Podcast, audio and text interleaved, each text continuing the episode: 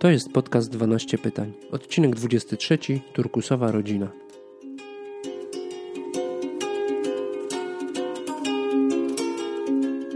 Cześć, nazywam się Przemek Karczewski i witam Cię w podcaście 12 pytań, w którym będę starał się zainspirować Cię do refleksji nad sobą, swoją świadomością oraz możliwościami i wyzwaniami, jakie wiążą się z turkusową transformacją ludzi i organizacji.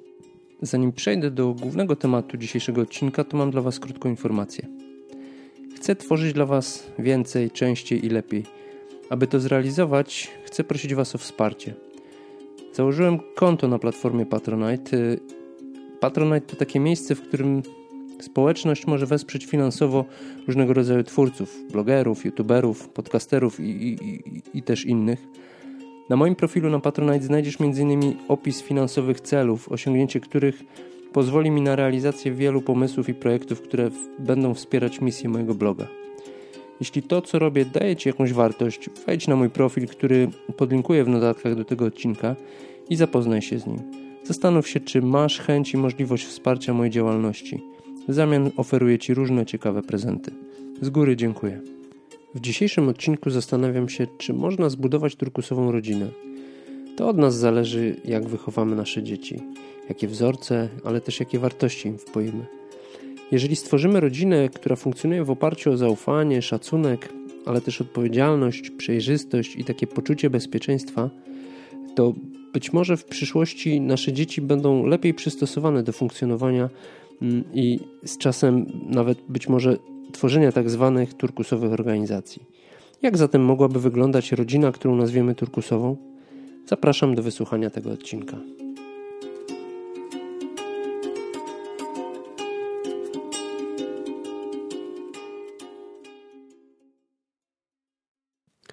Jestem szczęśliwym posiadaczem karty dużej rodziny. Muszę dodać, że wszedłem w jej posiadanie całkiem legalnie. To jest na pewno ogromna radość i zaszczyt, ale też myślę wielka odpowiedzialność i takie bardzo duże, nieustające mm, poczucie zobowiązania. W tej kwestii wynik sumy 2 plus 3 wydaje się być dużo większy od 5, co zresztą potwierdzają, mm, potwierdzą zapewne rodzice mm, trójki i też większej ilości dzieci. Krzewiąc od blisko dwóch lat już z takim zapałem turkusowej idei, dopiero tak naprawdę niedawno wpadła mi do głowy pewna refleksja. Skoro rodzina jest najmniejszą i zarazem taką najbardziej powszechną formą organizacji w naszym społeczeństwie, no to jeśli tylko chce i jest na to mentalnie gotowa, no to może podążać w kierunku turkusu. Czy da się zbudować rodzinę funkcjonującą w oparciu o turkusowe wartości? Aby odpowiedzieć sobie na to pytanie, myślę, że warto na początku przypomnieć, co o turkusowych organizacjach pisał Fryderyk Laloux w książce Pracować Inaczej. On turkusowymi nazywał właśnie te organizacje, które funkcjonują w oparciu o trzy główne filary: samoorganizację, pełnię i ewolucyjny cel. Mm, sprawdzę teraz, w jakim stopniu te filary stanowią fundament mojej rodziny i też gdzie powinienem je nadbudować, a gdzie po prostu według mnie nie da się ich zastosować. I tutaj na wstępie wyraźnie chciałbym zaznaczyć, że nie jestem żadnym psychologiem, a jakby tego podcastu proszę nie traktować jako poradnika. Przedstawiam w nim jedynie moje całkowicie subiektywne przemyślenia oraz obserwacje, które e, jakby dokonuję, których dokonuję na mojej osobistej mm, rodzinie. Podstawowa trudność w prostym przełożeniu turkusowego modelu organizacji na łono rodziny polega przede wszystkim na tym, że poszczególni członkowie posiadają zupełnie różne stopnie świadomości. Wynika to oczywiście z wielu doświadczeń, różnych doświadczeń, ale też z fazu, fazy rozwoju dziecka. Zatem taka relacja rodzic-dziecko raczej nie będzie taka sama jak w przypadku współpracowników w organizacji na przykład. Rodzice powinni pełnić bardziej rolę mentora, takiego coacha oraz budować coś na kształt kręgu bezpieczeństwa, który opisuje mm, Simon Sinek w swoich książkach. Chcąc pokazywać dzieciom wartości turkusowej filozofii w codziennym życiu, to przede wszystkim sami musimy być turkusowi. Ale turkusowi, czyli jacy? Po pierwsze, myślę, że tutaj wa warto wziąć pod uwagę mm, kwestię zaufania. I zaufanie to według mnie absolutnie pierwszy i taki niezbędny krok na drodze do budowania relacji, wszelkich relacji. Mm, w podcaście 6 filarów budowania zaufania pokazywałem już główne Mówiłem już o głównych elementach, które ułatwiają budowanie atmosfery wzajemnego zaufania w zespole. Myślę, że mm, w całości można je przełożyć też na rodzinę. Czy w mojej rodzinie ufamy sobie nawzajem? Generalnie tak, chociaż dzieci oczywiście czasem kłamią i tutaj mm, mówi się, że bez wyjątku wszystkie dzieci kłamią, tak? Więc wiedząc to i też doświadczając na własnej skórze e, efektów tych kłamstw, czasem mam taką nieodpartą chęć skontrolowania i pokazania dziecku, że kłamstwo ma krótkie nogi. Ucząc je też przy okazji takiej konsekwencji, jakie, e, jakie niesie ze sobą to kłamstwo. Staramy się stworzyć w moim domu atmosferę szczerości, otwartości, ale też także takiego dotrzymywania słowa. To, nad czym na pewno muszę osobiście popracować, to umiejętność takiego aktywnego słuchania i też y, zachęcania dziecka do wyrażenia swoich opinii i emocji. Też szczególnie jeśli, jeśli właśnie się z tymi opiniami się nie zgadzam. Jeśli moje dzieci będą miały zawsze pewność, że ich zdanie jest ważne, chociaż może być różne od naszego, no to nasza wspólna komunikacja i taka wzajemna relacja powinna stać się bardziej partnerską niż, niż, niż rodzicielską. Drugim takim czynnikiem, myślę, ważnym, o którym warto wspomnieć, to jest autonomia i odpowiedzialność. Najbardziej efektywną formą nauki yy, uważam taką, która wiedzie przez osobiste doświadczenie. Często jednak wydaje nam się, że chronimy nasze dzieci przed możliwymi przykrymi konsekwencjami. To jest duży błąd, jak twierdzą psychologowie, dlatego że błąd, który to jest błąd, który też oczywiście mnie się czasem zdarza popełnić. I nie jestem dość konsekwentny w egzekwowaniu ustalonych wcześniej z dziećmi zasad. Frustruje mnie oczywiście ich brak naturalnej odpowiedzialności, ale to przecież dzieci. Trzeba ich tego mozolnie, krok po kroku nauczać. Dobrym sposobem jest, myślę, wspólne rodzinne ustalanie podziału obowiązków, w, których, w którym uwzględnimy też dodatkowo naturalne predyspozycje i talenty dzieci. I nawet pomimo pewnych takich niedoskonałości w wykonaniu, no, musimy uzbroić się w cierpliwość i pozwolić im na taką niedoskonałą samodzielność. Może dobrym pomysłem będzie na przykład wydzielenie takich autonomicznych obszarów, w których całkowita decyzyjność będzie w rękach dziecka.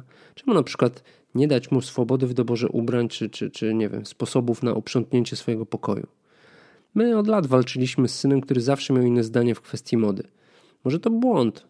A propos błędów, to myślę, że trzeba uczyć dzieci, że popełnianie błędu to nic strasznego, jeśli oczywiście wyciągamy z niego wnioski i na jego podstawie też jesteśmy w stanie skorygować nasze przyszłe zachowania. I właśnie przede wszystkim trzeba o tym rozmawiać i o tych błędach rozmawiać. I przecież nie popełnia błędów tylko ten, kto nic nie robi, jest takie powiedzenie. Ja też staram się zaszczepiać w moich dzieciach tą maksymę, mm, chociaż nasz system edukacji nie do końca mnie w tym wspiera, tak sobie myślę.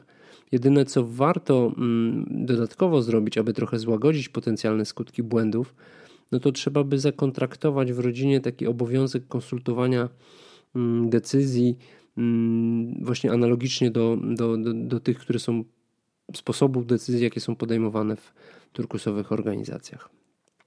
Trzecim takim aspektem ważnym jest komunikacja.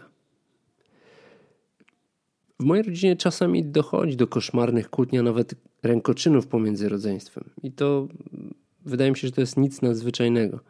Ilekroć nam się to przytrafia, to te złe emocje też przechodzą na mnie, czy, czy na mnie, czy na żonę, i wściekam się, że oni nie potrafią się dogadać w taki cywilizowany sposób. Po jednej z takich ostatnich akcji, można powiedzieć na noże, postanowiłem zmienić podejście i, i, gdy emocje opadły, starałem się pokazać każdemu z uczestników konfliktu, że tak naprawdę oboje na nim przegrali. Mm, wtedy zwizualizowałem im też taką alternatywę w postaci sytuacji klasycznej win-win. Czy do nich dotarło? Nie wiem, jeszcze nie wiem, ale wydaje mi się, że wchodzenie w takie epicentrum szalejących emocji dzieci rzadko kiedy przynosi pożądane e, efekty, pożądane rezultaty. Czasami lepiej dać czas na ochłonięcie i, i taką rozmowę już kiedy ta głowa dziecka jest chłodna, pozbawiona tych takich nerwów, emocji. Ostatnio moja 15-letnia córka powiedziała, że jej koleżanki zazdroszczą jej takich rodziców. Na pytanie moje jakich y, odpowiedziała, że takich rozumiejących, wspierających i słuchających.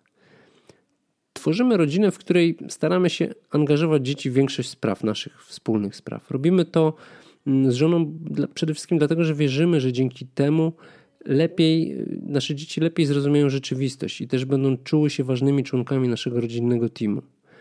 Dodatkowo też sami aktywnie uczestniczymy w życiu naszych dzieci, będąc na bieżąco z ich zainteresowaniami, ale też z ich refleksjami, problemami e, czy rozterkami, które, które, które ich dotykają niemalże codziennie. Kolejnym aspektem e, są wa wartości. I tutaj w naszym domu mamy i też zawsze podkreślamy znaczenie pewnych takich nadrzędnych, pryncypialnych wartości. Należą do nich przede wszystkim szczerość, ale też szacunek i tolerancja. Jednak wszyscy ludzie ewoluują, wartości zatem także mogą ulegać zmianie. To, co ja chcę zrobić, to wspólna dyskusja nad naszymi wartościami w takim naszym rodzinnym gronie. Widzę w takim zadekretowaniu i, i, też takim konsekwentnym stosowaniu tych wartości na co dzień pewną szansę na takie zakorzenienie się tych wartości w dzieciach na trwałe. Tutaj z kolei w przeciwieństwie do organizacji poza małżonkiem nie ma możliwości tak naprawdę doboru ludzi pod kątem wyznawanych wartości. Praca dlatego ta praca do wykonania przez rodziców ma znaczenie, myślę, fundamentalne. Kolejnym aspektem jest tutaj yy, spójność.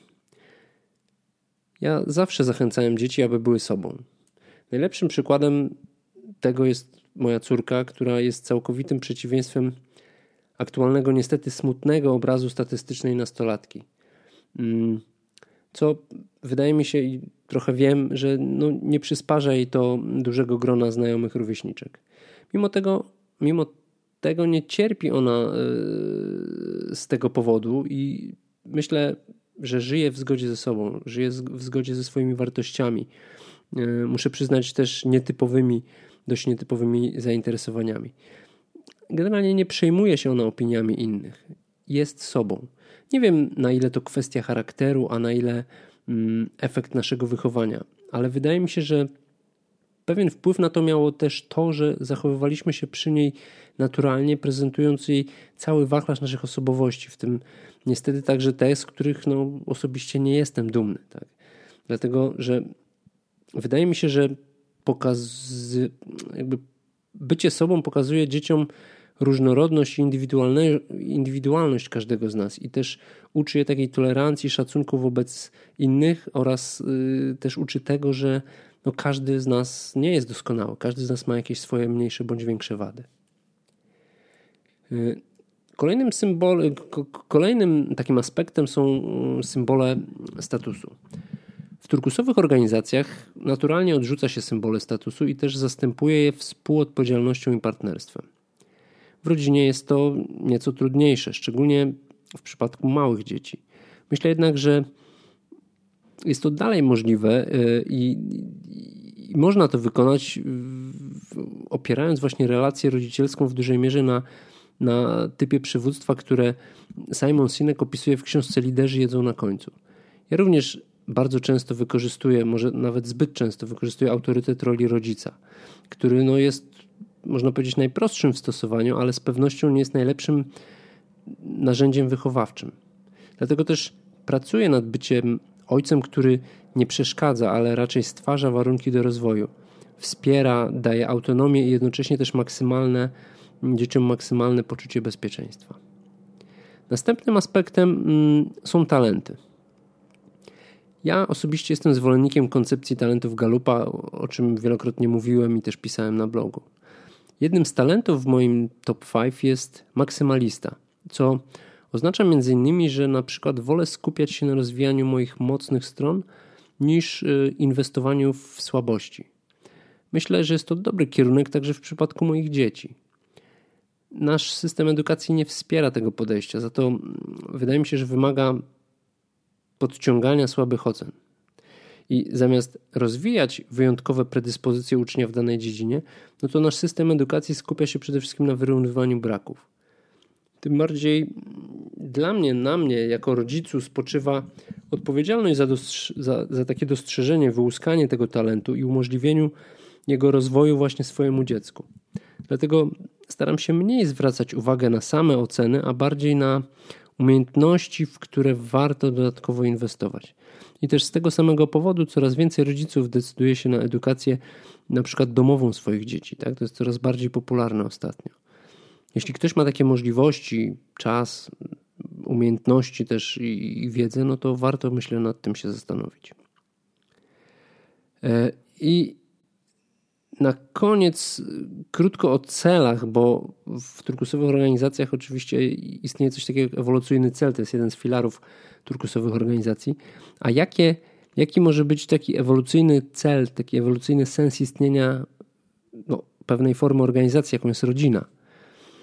Gdzieś intuicyjnie wydaje mi się, że w naszym przypadku celem jest takie tworzenie i podtrzymywanie bezpiecznej przystani dla każdego z nas, takiej przestrzeni, w której będąc sobą jesteśmy przez siebie wzajemnie rozumieni, rozumiani, jesteśmy kochani i też zawsze w każdej sytuacji możemy na siebie liczyć. Lecz czego oczekują od rodziny poszczególni jej członkowie i co mogą sami do niej wnieść? No myślę, że tutaj, żeby odpowiedzieć na to pytanie, to muszę przeprowadzić taki rodzinny warsztat i sam jestem bardzo ciekaw jego wyników. Kończąc już, myślę, że ja osobiście jestem zdania, że turkusową filozofię da się przenieść na łono rodziny. Oczywiście przede wszystkim rodzice muszą czuć naturalną potrzebę podążania w tym kierunku. No, muszą gdzieś tam yy, wspinać się w, w, na kolejne poziomy świadomości i wówczas swoim przykładem będą właśnie zaszczepiać w dzieciach te turkusowe wartości. Droga do tego jest trudna i wyboista. Mm, często można powiedzieć łatwiej iść na skróty, ale też myślę, że w długiej perspektywie to się, to się po prostu nie opłaca. Moja rodzina nie jest jeszcze turkusowa i mm, ale z drugiej strony jest na tej drodze i bardzo powoli, ale jednak nią kroczy.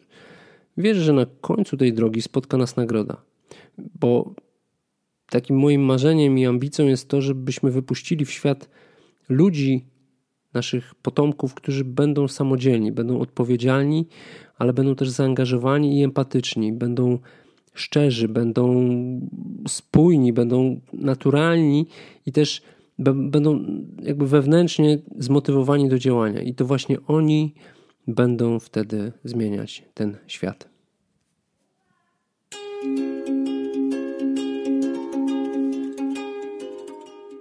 Dziękuję za wysłuchanie tego odcinka. Jeśli Cię zainteresował, zapraszam do subskrybowania podcastu. Jeśli słuchasz go przez iTunes, to oceń go proszę lub skomentuj, wtedy będzie wyżej pozycjonował się i ma szansę dotrzeć do większej ilości słuchaczy. Zapraszam do odwiedzenia mojego bloga 12pytań.pl oraz na Facebooka na mój fanpage o tej samej nazwie lub grupę Wszyscy Jesteśmy Turkusowi. Do usłyszenia za tydzień.